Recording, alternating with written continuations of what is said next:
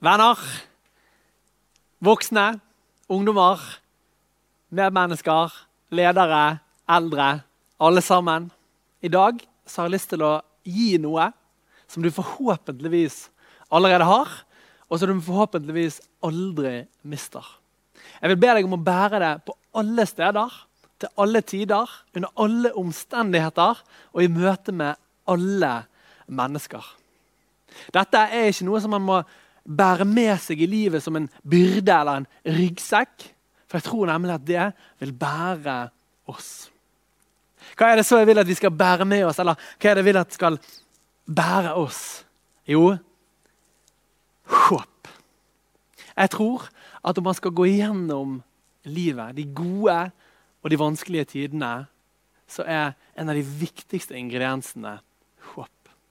En vismann sa en gang det at så lenge mennesket har håp, kan det utholde alt. Og så er Det sagt, altså det, er selvfølgelig satt veldig på spissen, da, men det er veldig veldig stilig sagt at mennesket kan leve 40 dager uten mat, fire døgn uten drikke, fire minutter uten oksygen, men bare fire sekunder uten håp. Og Noen forskere gjorde et fryktelig eksperiment på eh, noen rotter som de plasserte i et kar. Og Så slapp de en rotte uti og lot det være helt mørkt. Rotten kjempet for livet og holdt ut i litt over tre minutter. Da ga den opp og druknet. Og Så slapp de ut en ny rotte. Men denne gangen istedenfor å la det være helt mørkt, så lot de litt grann lys skinne inn. Og Under den omstendigheten så kjempet rotten videre i over 36 timer. Altså mer enn 700 ganger så lenge som den første rotten. Fordi at han kunne se lys, så fortsatte den å håpe om at han kunne kjempe seg opp og ut. Og Under den omstendigheten, altså med det håpet så holdt den ut 700 ganger så lenge som den andre eller første rotten.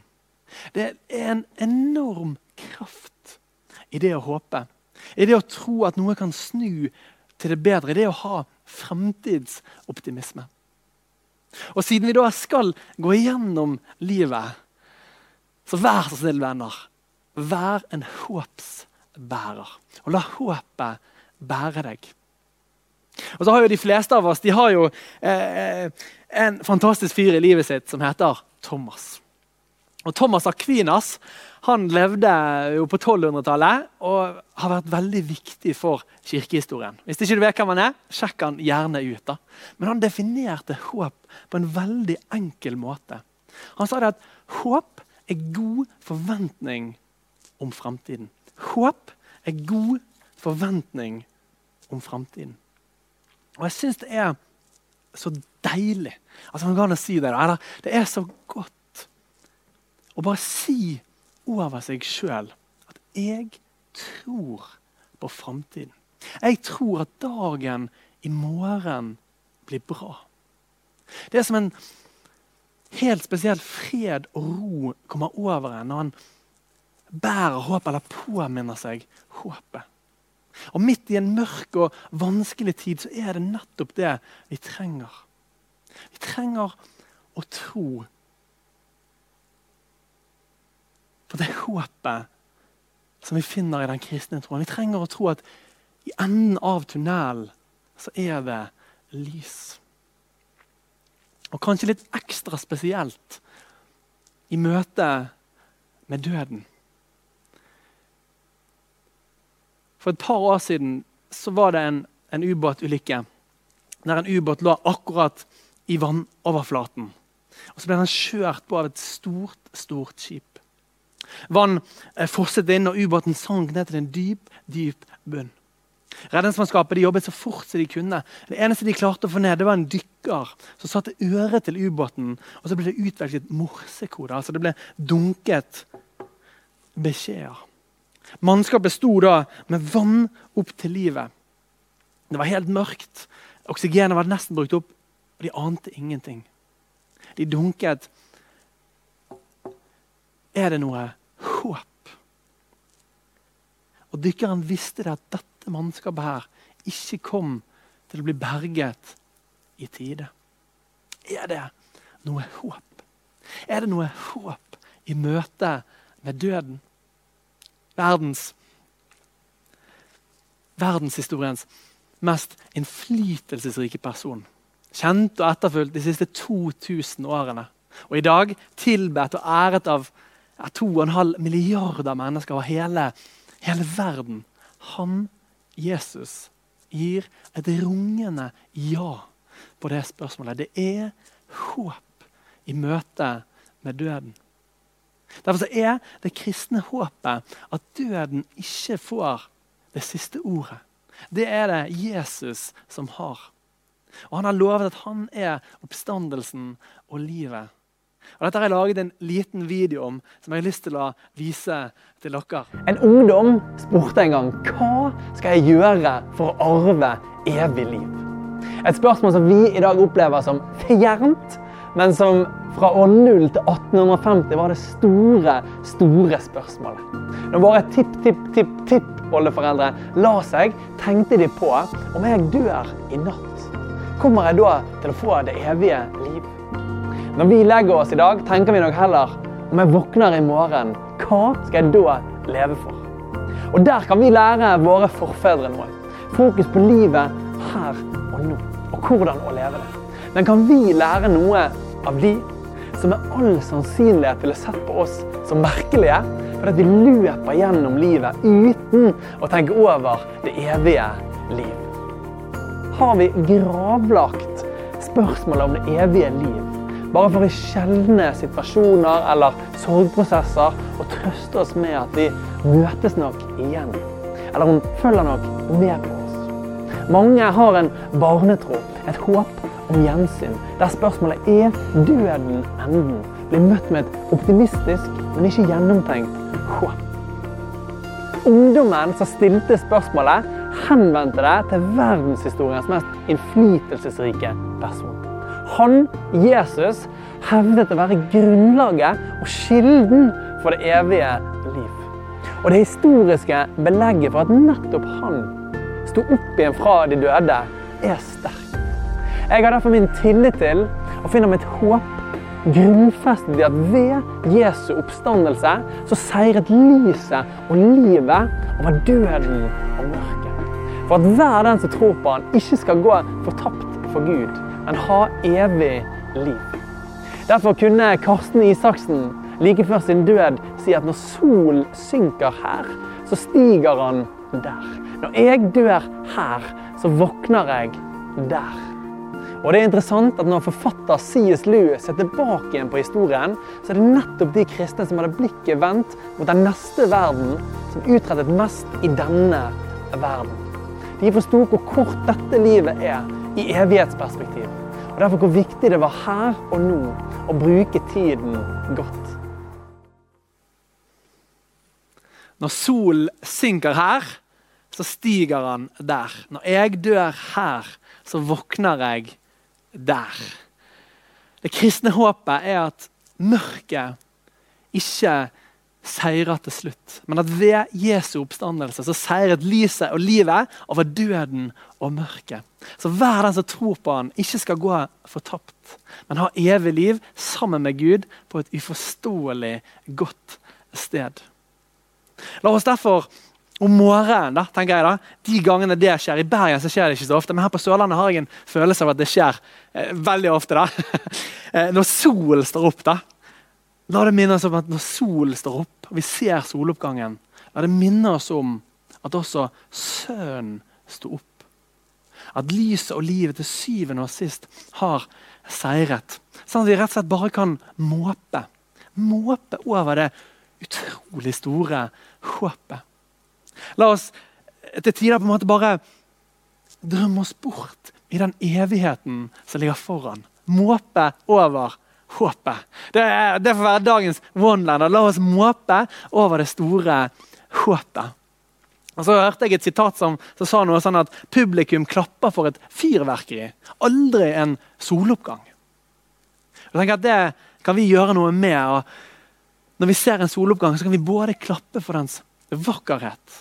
Og vi kan også klappe for det den minner oss om, nemlig Jesu oppstandelse. At mørket har blitt beseiret av lyset. At livet har overvunnet døden. At kaoskreftene i denne verden en dag skal bli til ende. Og det fullkomne gode til slutt skal hende. Det var fint! La oss rett og slett måpe over det store håpet. Og så er det interessant det sitatet som ble sagt på videoen, eh, som C.S. Lewis sa at de kristne som utrettet mest i denne verden, det var de som tenkte mest på den neste verden. Det syns jeg er veldig interessant. Og Evighetsperspektivet det gir rett og slett en, en glød og et fokus. Altså, Vi skal ikke være her så lenge. Det vi gjør og bruker livet vårt på, det betyr noe i et evighetsperspektiv. Så la oss forlate denne verden bedre enn den var når vi kom. Og La oss bringe litt av den himmel som ligger foran, til denne jord. La oss bære håpet, nåden, frelsen i Jesus til vårt medmenneske. I Loddefjord så, eh, hadde, var vi en ungdomsklubb da, eller en sånn ungdomsgruppe som kom på vårt eget sitat. Og Vi var jo så stolte av det at vi liksom hadde funnet opp vårt eget sitat. Og, og jeg synes det sitatet var så bra da, at jeg har, så lenge jeg har hatt iPhone, så har det vært mitt bakgrunnsbilde når jeg har åpnet mobilen. Og vi, vi, tenkte liksom på at ok, når vi, har, vi tror at vi har en evighet sammen med Gud på et uforståelig godt sted Fylt av hans nærvær, eh, fullkommen fred, fullkommen kjærlighet og lykke. Ja, da fant vi ut at det er umulig å ikke være full av glede. For jeg vet hva jeg har i vente. Og Det er jo selvfølgelig en, en sannhet med modifikasjoner. Det er jo fullt mulig å ikke være fullt av glede. Men det gir likevel en stor glede å tenke over det som ligger foran. Dette håpet. Det fyller en med en glede og en optimisme i hverdagen. Og For noen år tilbake så var meg og en prest på besøk hos min morfar. Han hadde akkurat fått vite at han var kreftsyk, og at han ikke kunne bli frisk igjen. Legene visste ikke hvor lenge han hadde igjen, alt fra noen måneder til noen år. Og Vi var der for å, prate sammen om, om døden, om, om håpet og, og himmelen. Så bor morfar i blokk, så han har en nabo som bor over seg og en ved siden av seg. Og, sånn. og Mens vi har pratet sammen og mens vi ber, så, så har naboen over drevet og spilt piano og sunget. Så ber presten høyt. da. Og så blir det helt stille mellom oss tre. Og mens det er helt stille, så høres bare naboen over syngende Lights will guide you home. Altså, lys vil føre deg eller lede deg hjem. Og jeg blir jo helt satt ut. Man skulle jo tro at naboen hadde tyvlyttet på oss. Der hadde vi snakket om, eh, om himmel og, og håpet og, og, om Gud. Og så synges det bare over oss. Lights will guide you home. For en bekreftelse til en døende mann. Og Svein Ellingsen han skriver så utrolig vakkert om, om håp. Og om livets berg- og dalbaner. Og skriver gi håpet rom i denne tid, hvor langt du enn er nede. Hos den som taper i sin strid, er Herren skjult til stede. Ved Kristi verk skal du bli sterk og hvile i Guds fremtid. Og så har jeg hørt noen si, eh, og lest noen skrive, at det kristne håpet det er bare rett og slett en krykke som svake mennesker bruker for å komme seg gjennom livet. Og at vi som er sterke nok, vi trenger ikke den krykken. Vi kommer oss greit gjennom livet uten dette håpet. Men å sammenligne den kristne troen med en krykke, det syns jeg ikke fungerer. For en krykke er jo bare til hjelp og til glede for den som trenger den. Og er jo et stort hinder for den som ikke trenger den. Så du vil jo løpe mye saktere hvis du har en krykke. Eh, du vil hoppe kortere og lavere. og Dansing blir jo veldig rart eh, med en krykke. Og, og klemming blir veldig ubehagelig. og sånn. En krykke er jo et stort hinder. Kanskje rett og slett en forbannelse eh, å måtte gå med hvis man ikke trenger den. Og Å sammenligne det med det kristne håpet det synes jeg er et dårlig bilde. For hvordan er det kristne håpet til hinder for mennesket? Det tar jo ikke bort gleden, men gir jo enormt stor glede. Det gjør jo deg ikke Oi, oi, oi! Nå ble jeg litt urolig. men jeg skal til å si at Det, det gjør deg jo ikke urolig og bekymret, men gir jo en unik fred og ro. Og det gjør jo ikke livet mørkt og dystert, men det lyser jo kraftfullt. Derfor vil jeg heller si at det kristne håpet det er virkelig ikke som en krykke. Det kristne håpet er heller som sko. Som sko. Og med det så mener jeg at ja, du kan komme deg gjennom skog og mark og bestige store fjell uten sko. Du er helt sikkert sterk nok og tåler nok smerte til å klare det. Men ta nå på deg sko. Er det egentlig noe poeng i å vise at man ikke er avhengig av noe større eller noe annet enn seg sjøl? Ta nå på deg sko. Eh, det gjør det mye lettere når du møter grus og ujevn grunn. Ta nå på deg sko, så ikke du blir våt og kald på føttene eh, og unngår forkjølelsen. Ta nå på deg sko og merk hvor mye mer behagelig det blir. Å gå med sko er noe som jeg virkelig vil anbefale. Ikke fordi man må det av tvang, men fordi det tilfører livet en rikdom. Det er ja, hva skal man si? Det hjelper og lindrer og gleder på så mange vis. Derfor er mitt råd i dag da, ikke prøv å bestige et fjell uten sko. Og ikke gå gjennom livet uten det kristne håpet. For hvilken enorm rikdom det tilfører livet. Så la oss derfor de neste gangene så vi går ned og skal knyte skoene eller ta de på oss, og sånne ting, la det minne oss om hvor flott det er å kunne gå med sko, og hvor flott det er å kunne gå med håp. Og La oss avslutte denne talen her da, med eh, noen gullkorn fra verdens beste bok. Og jeg er jo som prest litt bias når jeg sier det, da. Men hør på dette her. La oss holde urokkelig fast på håpet. For han som ga løftet, er trofast. Gled deg ikke over meg, min fiende. For faller jeg, står jeg atter opp. Og sitter jeg i mørket, er Herren mitt lys. Dere må bare bli stående i troen, grunnfestet og stødige, uten å la dere rive bort fra håpet som evangeliet gir. Og må håpets Gud fylle dere med all glede og fred i troen, så dere kan bli rike på håp ved Den hellige ånds kraft. Så venner, gå i vei og håp i vei. Og vi aldri glemme det.